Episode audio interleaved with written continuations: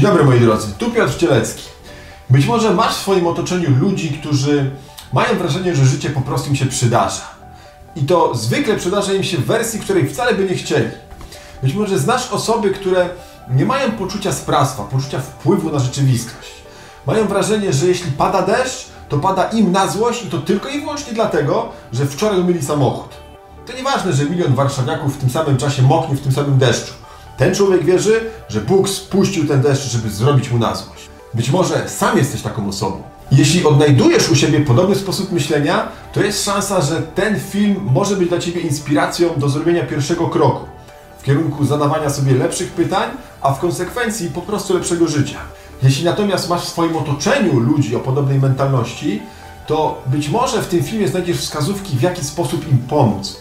Bo świat ofiary, bo o nich dzisiaj mowa, jest bardzo mrocznym miejscem. Nie chcesz tam być i nie chcesz, żeby ktoś z Twoich bliskich, spośród ludzi, na których naprawdę Ci zależy, znalazł się w tym świecie. Serdecznie zapraszam do oglądania. Koncepcja, na której oparłem dzisiejszy film, nosi nazwę piramidy Logana, czy też poziomów Logana. Jej dwa najniższe poziomy wyglądają następująco. Świat jest do niczego i to jest poziom, o którym dzisiaj będzie najwięcej. I poziom wyżej, ja jestem do niczego. I dziś będę mówił o ludziach znajdujących się na tym najniższym poziomie. O ludziach, którzy wierzą, że świat jest strasznym miejscem, który został stworzony po to, żeby oni mogli doświadczać w nim kolejnych porażek i upokorzeń. Charakterystyczną cechą ludzi przebywających na tym poziomie jest to, że nie mają poczucia sprawstwa i wpływu na rzeczywistość. Że nie widzą, że wiele rzeczy, które im się przytrafia, jest po prostu konsekwencją ich czynów. Czasem odroczoną w czasie, ale cały czas konsekwencją tego, w jaki sposób oni zachowali się wobec innych ludzi. Czyli przykładowo, taki człowiek może wierzyć, że pani w sklepie jest wredną zozą, która nigdy nie uśmiechnęła się do niego, kiedy stanął przy kasie ale może nie połączyć tego z faktem, że on nigdy od dwóch lat, kiedy chodzi do tego sklepu, nie uśmiechnął się do niej ani razu i nie powiedział jej dzień dobry. Taki człowiek może głęboko wierzyć w to, że jego szef jest okrutnym sadystą, który został zesłany na ten świat, żeby go gnębić i cały czas podnosić mu poprzeczkę i nie dawać żadnego wzmocnienia pozytywnego, żadnej pochwały, żadnego wspierającego feedbacku ale nie połączy tego z faktem, że być może wyniki jego pracy pozostawiają wiele do życzenia. I najlepszą rzeczą, jaką możesz zrobić dla tego człowieka, to podejść do niego i w możliwie łagodny sposób przekazać mu następującą wiadomość. Nie, nie, kochany, to nie świat jest strasznym miejscem, to ty jesteś do dupy. I paradoksalnie może to być dla niego ożywcza informacja. Może być to dla niego ten wstrząs, pierwszy czynnik, który sprawi, że zacznie rozumieć połączenie pomiędzy tym, co robi, a tym, co dostaje. I być może w ramach eksperymentu postanowi, że przez najbliższe trzy tygodnie będzie uśmiechał się do pani w sklepie. I nagle, o dziwo, zauważy, że ona oduśmiechnęła się do niego. Być może przemyśli sprawę i stwierdzi, ok, może nie chodzi o to, żebym ja po prostu był w pracy. Może ja jeszcze muszę pracować. Ja wiem, to jest śmiała koncepcja, ale warto przetestować ją chociażby przez najbliższe dwa miesiące. I nagle okazuje się, że pani w sklepie zaczyna się uśmiechać. Nagle okazuje się, że szef może nie wpada w kurę optymizm i nie daje mu podwyżki, ale poklepał go po ramieniu i powiedział dobra robota. Pierwszy raz od półtora roku, kto by się spodziewał? I jakkolwiek humorystyczna nie wydawałaby się ta historia, to jest to archetypiczny model zachowań obecny w naszej kulturze od zarania dziejów, być może starszy niż nasza cywilizacja. W Biblii na przykład opowieść na ten temat pojawia się zaraz po opisie stworzenia świata. Być może pamiętasz historię o Kainie i Ablu. Kain był rolnikiem, Abel był pasterzem. Obaj składali ofiary Bogu. I Bóg patrzył na ofiary Abla przychylnym wzrokiem, ale na ofiary Kaina nie chciał patrzeć. I Kain poszedł najgorszą z możliwych ścieżek, dlatego że nie zaczął zadawać sobie wspierających pytań. Nie zaczął myśleć, ok, co ja mogę zrobić, żeby moje ofiary były bardziej jak ofiary Abla? Co ja mogę zrobić, żeby Bóg był ze mnie bardziej zadowolony? W jaki sposób mogę być lepszy, bardziej skuteczny? To nie był kierunek myślenia Kaina. On poszedł dokładnie w drugą stronę, w kierunku myślenia życzeniowego. Obraził się na Boga, obraził się na świat, zaczął zazdrościć swojemu bratu i stwierdził: Nie zrobię nic, nie zmienię niczego, będę robił dokładnie to samo, co robię do tej pory, to Bóg ma się opamiętać, przyjść do mnie, przeprosić i przyjąć moje ofiary, bo ze mną wszystko jest w porządku. I Bóg przychodzi do Kaina i mówi ostatnią rzecz, którą Kain by chciał usłyszeć. Mówi: Nie, mój drogi Kainku, to nie jest tak, że ja jestem zły. To nie jest tak, że stworzyłem niesprawiedliwy świat To nie twój brat Abel ponosi winę za twoje żałosne położenie. To twoje ofiary są do niczego. I pytanie, co zamierzasz z tym zrobić?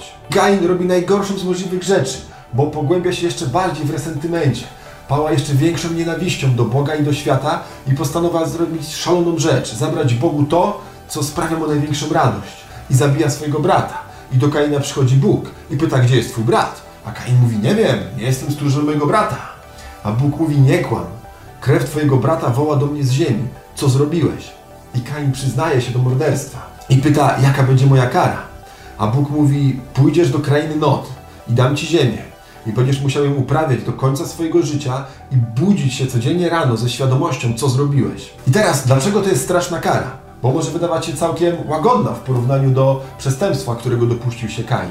Otóż, niezależnie od tego, czy jesteś osobą religijną, czy nie, najgłębszym, a przynajmniej jednym z najgłębszych fundamentów naszego istnienia jest fakt, że możemy cały czas się rozwijać. Możemy cały czas stawać odrobinkę lepszą i skuteczniejszą wersją siebie.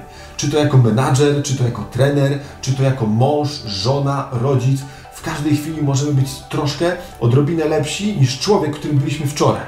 I kiedy czytasz historie biblijne albo mity, zachęcam Cię do tego, żebyś wychodził poza ich dosłowną interpretację i pozwolił przemówić ich metaforycznemu znaczeniu.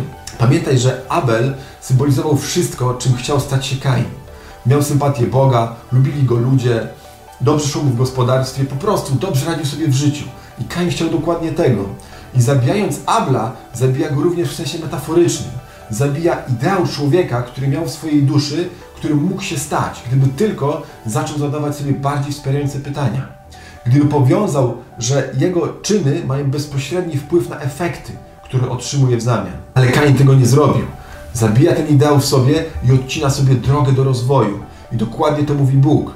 Będziesz musiał budzić się codziennie rano i kontynuować swoje bezsensowne, zbrodnicze, pozbawione sensu życie.